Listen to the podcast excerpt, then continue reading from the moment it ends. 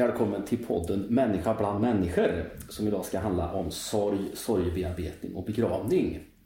Och med mig här idag har jag Esbjörn Hagberg eh, som är min företrädare. Men jag tänkte du ska ändå få presentera dig själv Esbjörn. Mm. Ja, Esbjörn Hagberg och just företrädare, 14 år som biskop i Karlstad. Före det 11 år som eh, bland annat själavårdslärare. Eh, och före det 16 år som församlingspräst. Mm. Det är min yrkesmässiga bakgrund. Ja, ja men jättekul att ha det här. Mm. Och vi ska prata om sorg, sorgbearbetning och begravning. Men jag tänkte vi ska faktiskt börja det rum vi sitter. För vi sitter i våran företrädare. För du är min företrädare. Men före oss så fanns det en biskop som heter J.A. Eklund. Och vi sitter i J.A. Eklund-rummet här. Tillsammans med hunden Svante i ena hörnet. Och så massa bilder på J.A. här. Eh, och, eh, alltså, J.A. han var ju biskop i Karlstad stift 1907 till 1937. Och han skrev salmen Fädernas kyrka i det här rummet. Men jag tänkte jag skulle börja med det Esbjörn. Vad betyder J.A. för dig? Ja, så han har funnits med genom livet på lite olika sätt. Eh, dels så den första tiden vi bodde i västra Värmland så bodde vi i Skärnäs och där har familjen Eklund en sommarstuga. Vilket gjorde att eh, det på det sättet blev en slags relation. Eh, sen hade jag som eh, konfirmandkamrat, en mycket nära släkting till J.A. Eklund. Och som skolsköterska när jag gick på Fjällstedtska, också mycket nära släkting till J.A. Eklund. Så att eh, J.A. Eklund kom, kom att bli ett namn för mig ganska tidigt i livet. Eh, sen är det klart att, att, att komma hit till Biskopsgården och varje gång eh, du och jag går till arbetsrummet här så passerar vi det här J.A. Eklund-rummet och påminns om honom. Där har han för mig betytt att jag har påminns om att han, när han var biskop här och kom hit i början på 1900-talet så var det en väldigt svår tid i kyrkan. Mm. Eh, där väldigt många präster var, trodde att de var sista generationen präster. Och kyrkan arbetade väldigt mycket med sin identitet. Och så kom han på olika sätt att formulera sig och Eh, bli en person som kom att gestalta, också för unga människor, att kyrkan hade en framtid. Och att då tänka tillbaka på den tiden och den modlöshet som fanns och uppgivenhet som till del fanns i kyrkan. Och så kan man säga, ja men det var värre förr. Det är inte alls så att vi eh, ibland kan tycka att vi är dystert idag när vi ser all statistik. Men det har funnits andra tider som har varit så här. Och då tänker jag att en, en uppgift för kyrkan och en uppgift också för den som är, är biskop, det är att kunna formulera ett hopp. Mm. Att det, det, finns ett hopp också för en kyrka som, där det ibland ser eh, lite ut som om det är svåra tider. Men Ja, så på det sättet ingav han mig hopp när jag passerade det här rummet. och jag, jag tycker att han, han, är spännande på det sättet. Och det här är för övrigt någonting som är slående. Alltså, vi tror ju alltid att det var bättre förr. Mm. Men det var alltså ingen skulle vilja byta med J.A. Eklund. Jag skulle definitivt inte vilja göra det. Han hade en fruktansvärd period. Och mm. det, det beskrivs faktiskt en väldigt bra bok som Elis Malmström som var präst i stiftet och god vän med J.A och sedermera biskop i Växjö. Han skrev en bok om J.A. Eklund, en biografi, där han fick ta del av J.A.s men också hans frus brev. Mm. Och apropå det här, han tillträdde 1907 mm. och då ska han åka runt och, och, i alla församlingar i stiftet. Och hans fru skriver då till sina föräldrar i Göteborg den 10 mars 1908. Och det här sätter precis ord på det du pratar om. I söndags predikade Johan här i Kils kyrka och då ska man också veta att Kils kyrka, det var ju biskopens kyrka mm. på Elias tid. Så det, det var liksom huvudkyrkan. I, i, Johan här i Kils kyrka. Men vet mamma, det var vemodigt. Och vi fick ju så starkt intryck av det andliga och moraliska förfall som råder i Värmland. Nu visste nog i församlingen, som är på 3000 personer, att biskopen skulle predika. Men till kyrkan kom 30-40 personer, de flesta tillhörande två likföljen. Pastorn skulle då jordfästa först. Vi sutt in i kyrkan och väntade och väntade och kunde inte begripa varför det inte började. Klockan blev nära tolv. De har suttit där en timme alltså. Mm. Jo, ringarna hade strejkat. Liken stod där ute. Pastorn var rådlös. Ingen ville ringa. Johan måste gå ut på kyrkbacken och frågade om ingen kunde gå upp och göra det. Han tyckte det var synd om begravningsfolket. Då gick till sist helt manligt en ung dräng upp och ringde. Johan var både ledsen och förargad och så vidare. Och det är en fruktansvärd situation. Och, ja. Malmöström beskriver sen hur J.A. Eklund blir liggande flera dagar utan att kunna gå upp ur sängen. Mm. Alltså blir helt knäckt av detta. Han, mm. han, idag skulle nog säga att han får en depression mm. under sitt första år som mm. biskop i Karlstad. Så det var inte bättre förr? Nej, det, det är väl i och för sig en underlig tröst att ibland ja. säga att det var, det var värre förr. Ja, och, och, och vad heter det? Och jag, vi, vi, har... Men, vi, har aldrig haft så fina kyrkor som nej, vi har idag. Nej. Och vi har aldrig haft det sånt, sånt ekonomiskt väl som vi har idag. Så att det är så mycket egentligen som är, är väl idag. Faktiskt. Mm. Och, och, och jag, vi har en stiftsteolog som heter Ottfrid Tjajka som har, har satt, satt den på att forska på på Borgenstierna, mm. Ingebrand men också Runestam som var före dem. Det här är de tre biskopar som kommer efter JA. Mm. Och ett gemensamt drag hos JA, Runestam, Borgenstierna och Ingebrand det är att vi når inte ut. Mm. Eh, den känslan av att vi mm. når inte ut, vi tappar, vi tappar inflytande, folk kan inte den kristna berättelsen mm. och så vidare. Mm. Och det säger man redan på 1908, man säger det 1938, man säger det 1958. Så att det är en sorts konstant att vi når inte ut och vi tappar mark. Och det, här, det, är en konstig tröst men det är ändå en sorts tröst att, att, man är inte, liksom att, att eh, kyrkans marginalisering som man pratar så mycket om mm. eh, har alltid uttryckts och känts av. Både hos IA och hos de andra mm. Ja, inget nytt under solen. Inget nytt under solen. Mm. Och, och det, det, är, här skrev han då som sagt eh, fädernas kyrka. Mm. Vet du något mer om tillkomsten av den, eh, mer än att det var i det här rummet? Ja, berättelsen är att han satt i det här rummet och vakade över sin son Torsten som hade fått körtelfeber. Och att han den här natten började formulera de här tankarna. Eh, kring den här salmen. Det är ju nio verser. Mm. Och det, berättelsen säger att han, han memorerade i alla nio verserna och sen på morgonen så satte han sig han och skrev ner dem. Det, det är berättelsen. ja, ja, ja. Eh, sen, eh, så att, och det är lite märkligt när vi idag läser den här salmen att den kunde tala så mycket till unga människor som den mm. uppenbarligen gjorde. För i, idag känns ju både bilder och, och, språk ganska föråldrat. Eh, den finns ju dessutom inte i psalmboken längre, vilket eh, somliga är ledsna över och eh, andra inte.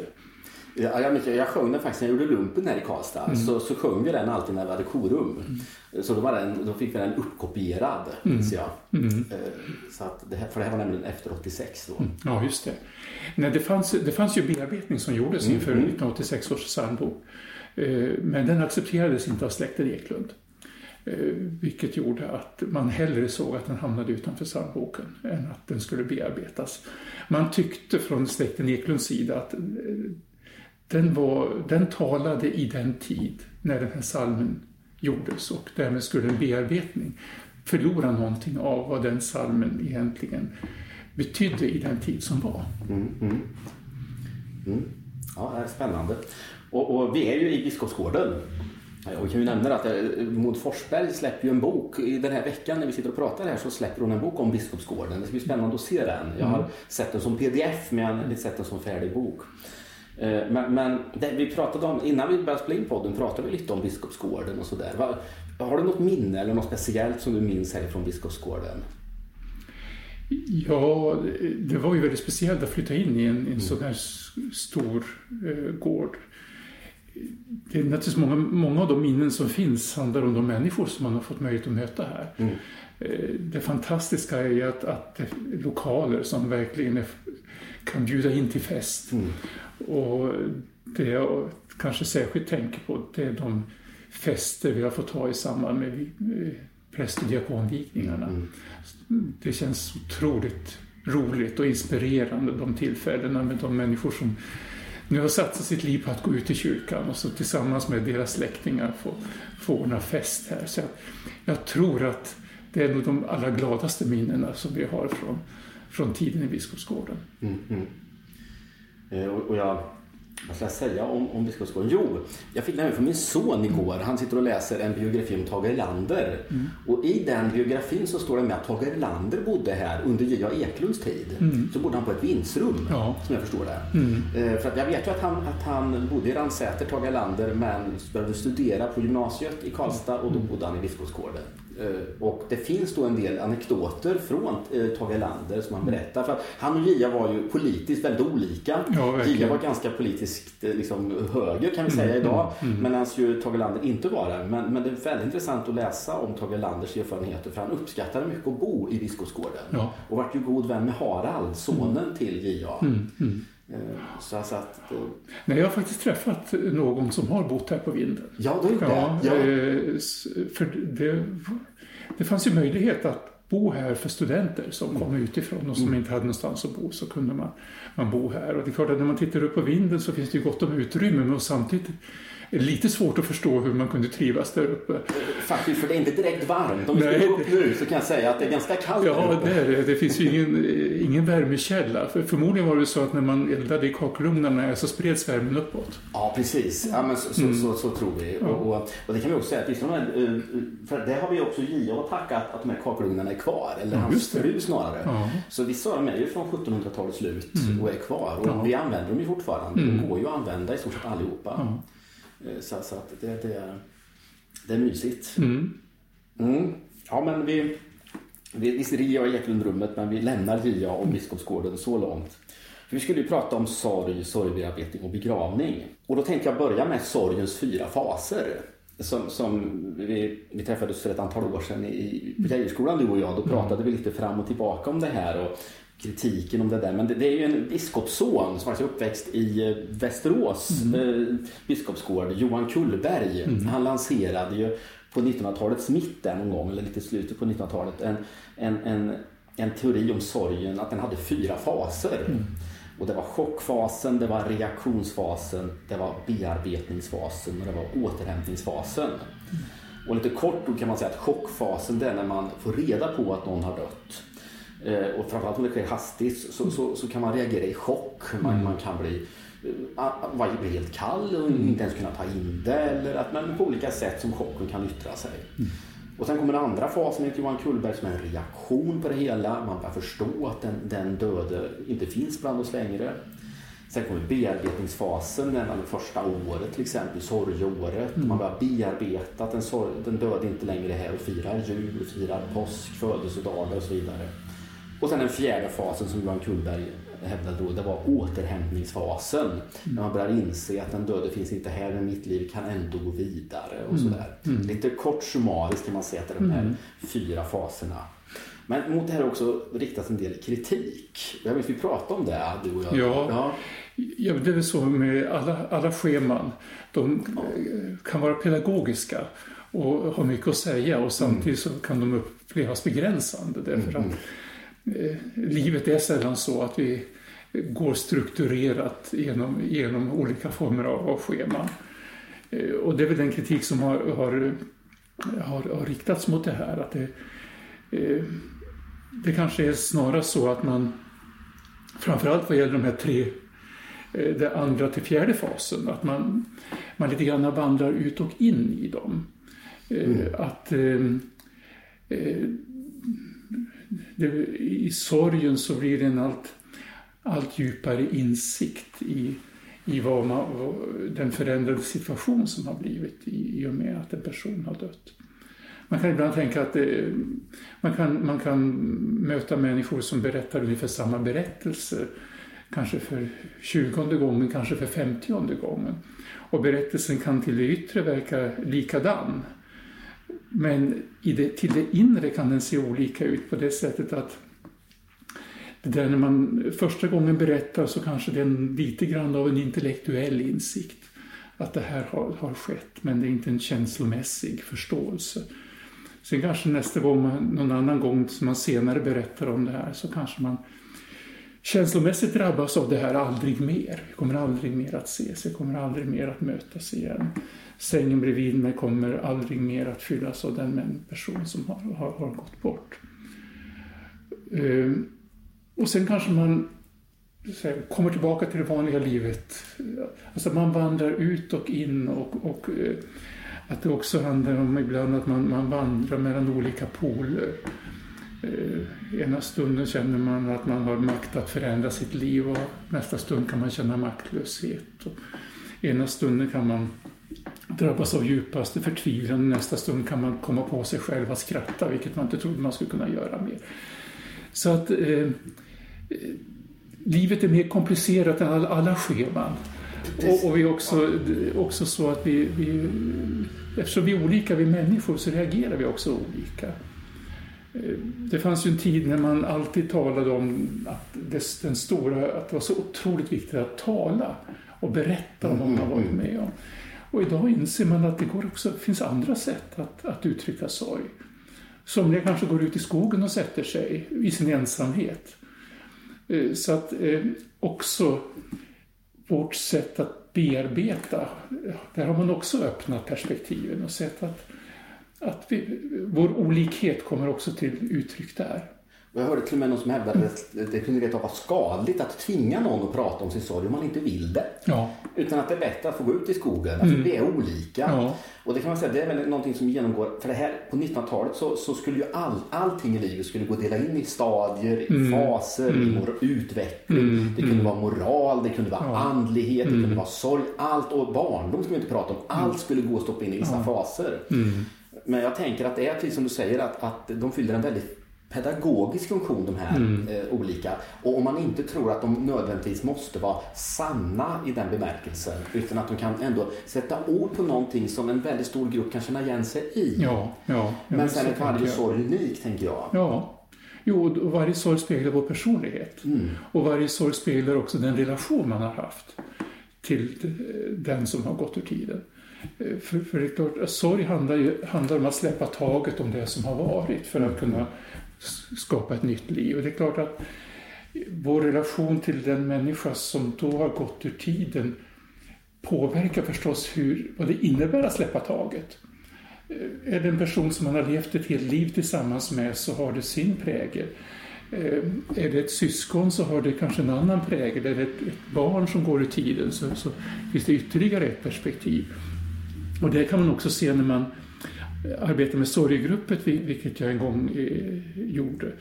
Att det är väldigt svårt att, att blanda människor med olika former av relationer till den som har gått bort. Mm. Just därför att det, det, ser olika ut och man har olika berättelser. Mm, mm.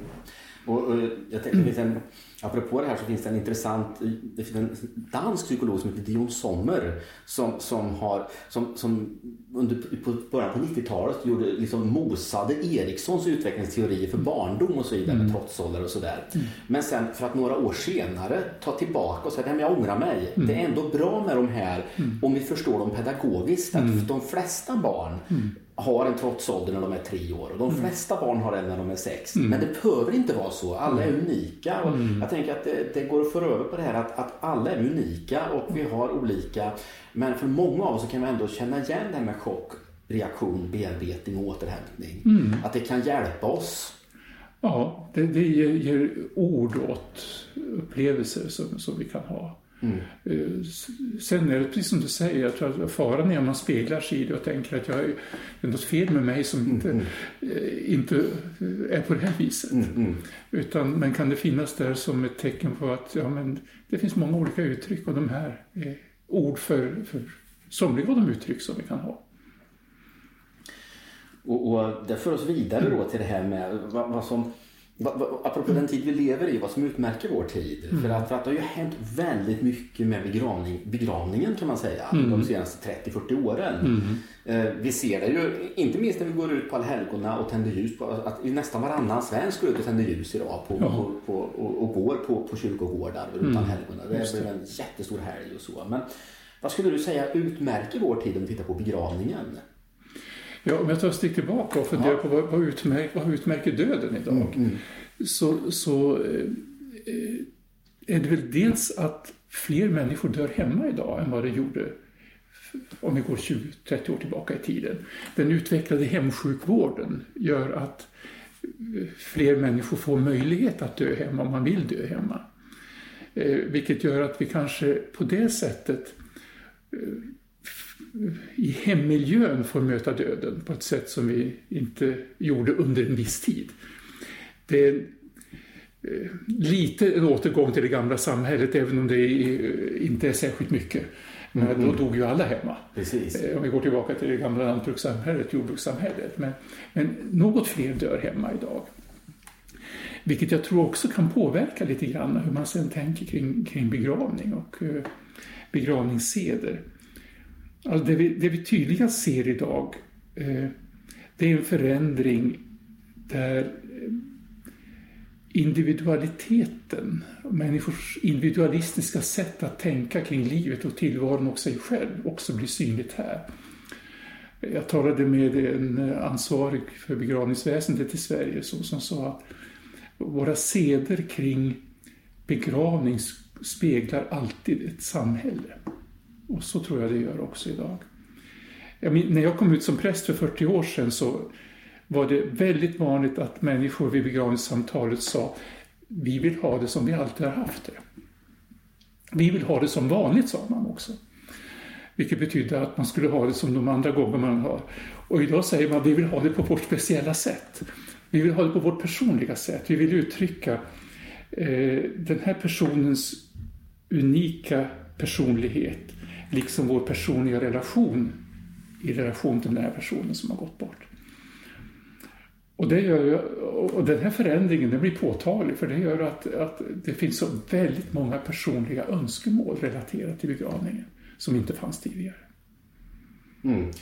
Och, tänkte, vi ser det också på kyrkogårdarna. Mm. Alltså, va, alltså jag pratade med en, en kyrkogårdschef här som, som, som var lite nörd på det här området. Han sa att Sverige har förmodligen världens, om inte vackraste kyrkogårdar, mm. som näst vackraste. Mm. Danmark har möjligtvis vackrare kyrkogårdar. Ja, de var fina. De var väldigt fina mm. i Danmark mm. och, och, vi har nästan lika fina. Jag vågar påstå att, att Grums och Hammarö ligger top notch. Ja. men att det finns väldigt många fina kyrkogårdar, ja. i, i, inte minst i vår stift, men i hela mm. Sverige. Och det där tror jag också säger någonting. Mm. Eh, och jag vet inte riktigt vad, men någonting säger det mm. eh, med, med detta att, att det är mm. jätteviktigt för man. Jag var i Finland eh, här bara för några år sedan och, och besökte en kyrkogård som ju inte alls var alls så välskött. Nej, och, och besöker man kyrkogårdar i England till exempel mm. så kan de ju se ut som en, en potatisåker. Ja.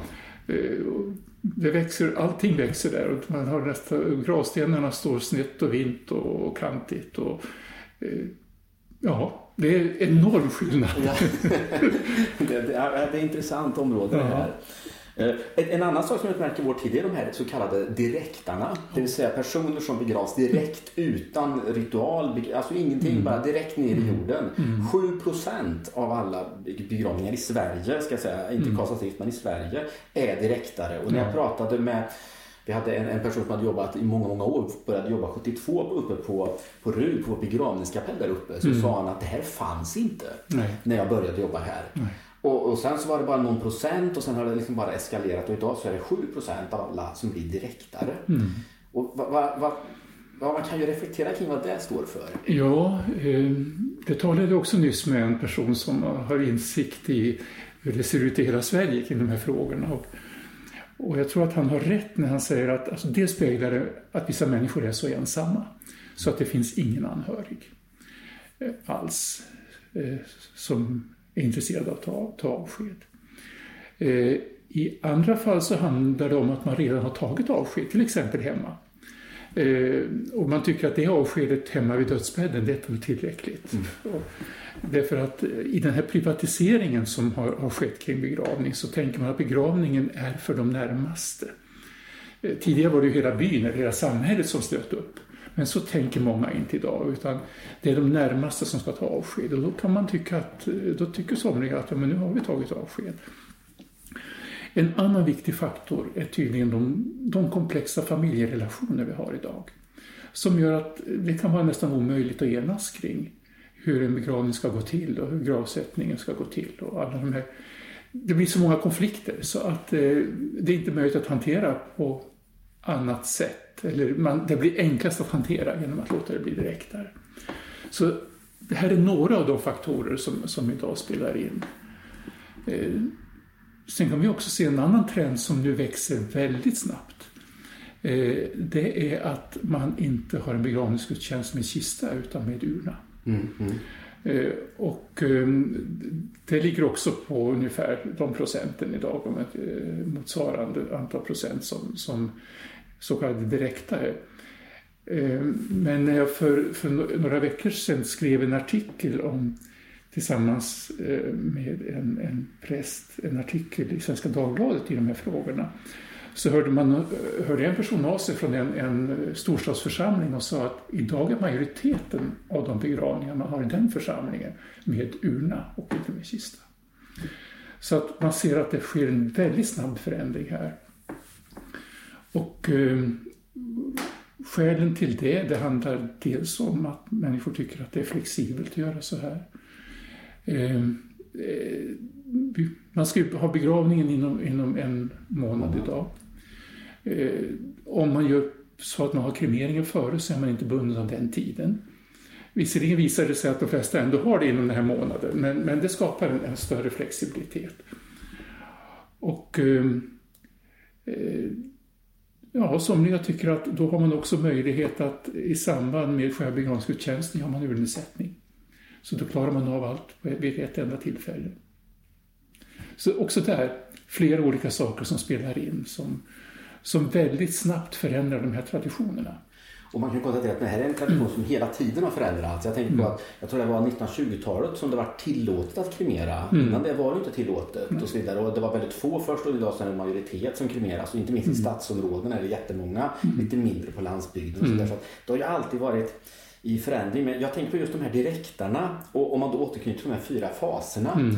så brukar man ju säga att, att, en poäng med begravningen så att säga, mm. det är att den Alltså, den kommer ju ofta när jag är någonstans chock, alltså, om inte chockfasen har brutits mm. så bryts den ofta vid begravningen mm. eftersom då blir det så påtagligt ja. att han är död eller hon är död. Ja, ja, ja precis. Och, och vi, vi, vet ju ofta att eh, när man har en begravning så är det några händelser i själva akten. Så, eh, till exempel mullpåkastningen. Eh, eller om man följer med ut och man har nedsänkande av kistan.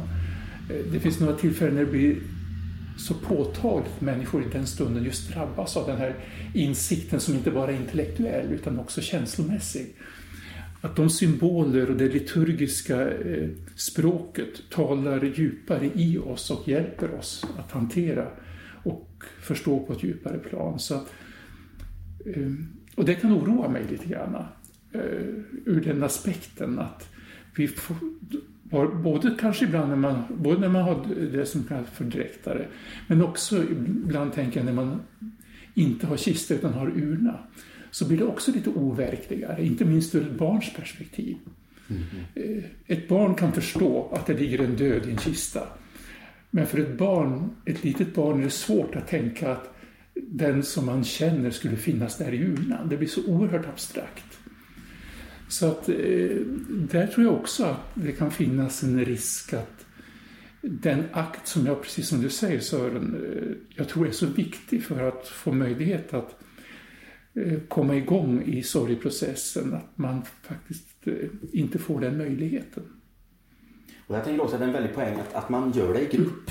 Ja, att man får se ja. andra människors sorg mm. som känner den här personen som du var inne på när man har sorg. Alltså när man har haft olika relationer med den mm. döde mm. så blir det också så påtagligt när man tar avsked att, att ja, det blir ett sammanhang. Mm. Det kan jag känna själv i mina, vid de liksom begravningar jag har varit på mm. som har drabbat mig själv. Att, mm. att det, det, det, det, det, är någonting som är bortanför intellektet här som mm. sker och som är väldigt viktigt och som man bär med sig mm. resten av livet faktiskt. Mm. Eh, kanske varje dag utan att man egentligen mm. tänker på det men man har med sig det. Mm. Alltså, riten har i alla kulturer en, en, central funktion. Dels funktionen av att, att tolka det som har hänt. Eh, den riten är också ångesthanterande. Det, det, det, är en hjälp att ta tag i de upplevelser, känslor och oro och rädslor man har. Eh, men den tar oss också in i en gemenskap. Eh, hjälper oss att se att även om situationen förändras så är jag inte ensam. Och det kan jag också tycka är sorgligt när vi allt för mycket privatiserar döden. Jag tror att det fanns en oerhörd styrka i det gamla samhället när hela byn stötte upp. Det var byns gemensamma angelägenhet. Eh, man visste också att byns människor fanns med mig i den nya situation som jag eh, skulle komma att vara i. Eh, och när, man, när vi idag privatiserar det, jag tror att eh, snittet idag för en begravning är 25 personer, eh, så, så tappar man den dimensionen om att det här är många människors gemensamma angelägenhet. Dessutom tappar man ju den eh, möjligheten för människor som har levt i periferin att ta avsked. Också det är ju viktigt. Men har man haft en arbetskamrat eller har man haft en vän så är det viktigt att få möjlighet att uttrycka vänskapen eller arbetsgemenskapen vid begravning. När det bara blir den närmaste familjen så, så får man ju inte på samma sätt den möjligheten. Mm, mm. Eh, man sjunger psalmer vid begravningar. Det, det, det, mm. liksom, det är en, en, en luthersk Sen 500 år tillbaka så sjunger vi psalmer i mm. begravningar. Och vi har ju några psalmer som, som, har, som, har, som verkligen har satt sig. Eh, vi har till exempel 249, Blott en dag, ett ögonblick sänder. Vi har 297. Alltså, vad, har, vad har du för favoritpsalm till begravningar? Ja, så jag tycker då att det, de, de psalmer som, som du nämner är, är, är psalmer som så påtagligt tror jag talar till människor i, i den här situationen. Eh, jag, en, en psalm som jag tycker oerhört mycket om och som jag den dag när jag går ur tiden gärna får sjungas vid min begravning det är psalmen Min frälsare lever, jag vet att han lever fast världen har sagt han är död och inget ska skilja mitt hjärta från honom, ej änglar, demoner och nöd. Är det 313? 313, ja. Och den är ju gjord av en värmländsk ja. Eh, Tors, Torsby var han. Ja, men det här ja, var ju det. Så att jag vet att uppe i Torsby så kallar man det för Torsbysalmen. Fryksändesalmen, ja. Men jag tycker att den, den är en fantastisk psalm. Eh, dessvärre är det inte så många människor som känner igen den så att man, man sjunger den. Men, men för mig talar den väldigt starkt. Sen tror jag att, precis som du nämnde, att en psalm som låt en dag, ett ögonblick i sänder, eh, till exempel en psalm som eh, tolkar väldigt mycket vad människor känner i den situationen. Det här handlar om att ta en dag i taget och orka med det som har hänt. Mm. Och när man ser att salmen talar till de människorna så tänker man, ja men det här var den bästa salmen. Ja, ja men, ja, men så är det ju. Och, och, och sen 297, det är lite intressant den här mm. härliga jorden. För att i Danmark är ju den en, en julsalm. Ja. Eh, jag har danska komp vänner som tycker mm. att det är mm. mycket konstigt att mm. det är en begravningssalm i, i Sverige eftersom det ju faktiskt i vers 3 är ett jultema ja. på den. Mm. Eh, men den är ju också en väldigt känd. Jag tror att det är 249 och sen 297 så är de två vanligaste psalmerna. Mm. Och det är klart att det kan man också fundera på. Väljer man dem därför att man tycker att det passar till situationen eller för att det är någon psalm som man någon gång har hört? Mm. Ja, precis. Och så tror jag det, till exempel vad gäller Härliga jorden, den har många lärt sig och mm. hört. Mm.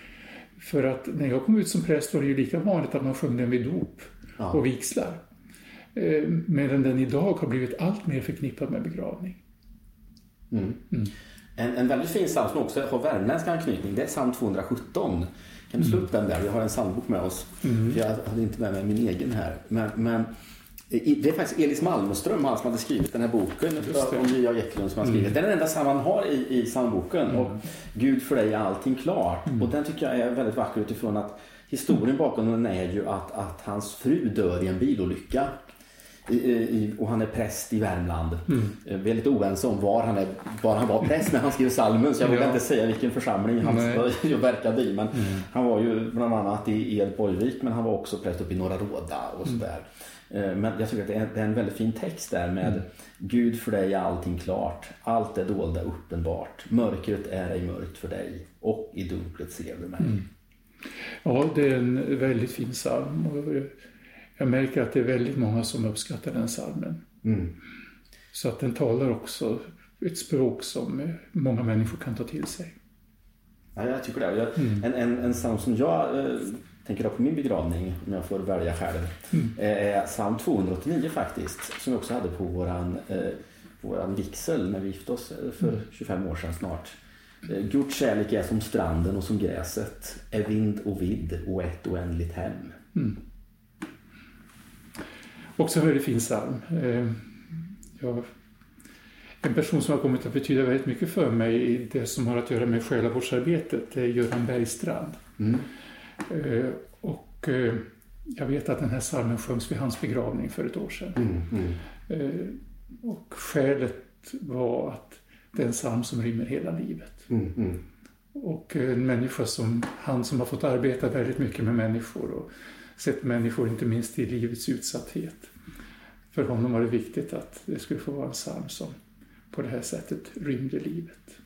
Och jag tycker det är så spännande. Jag var i Tyskland strax, strax efter murens fall. Mm. Eh, typ 1991-92 någonstans. Och, och då sjöng man den här eh, till gitarr.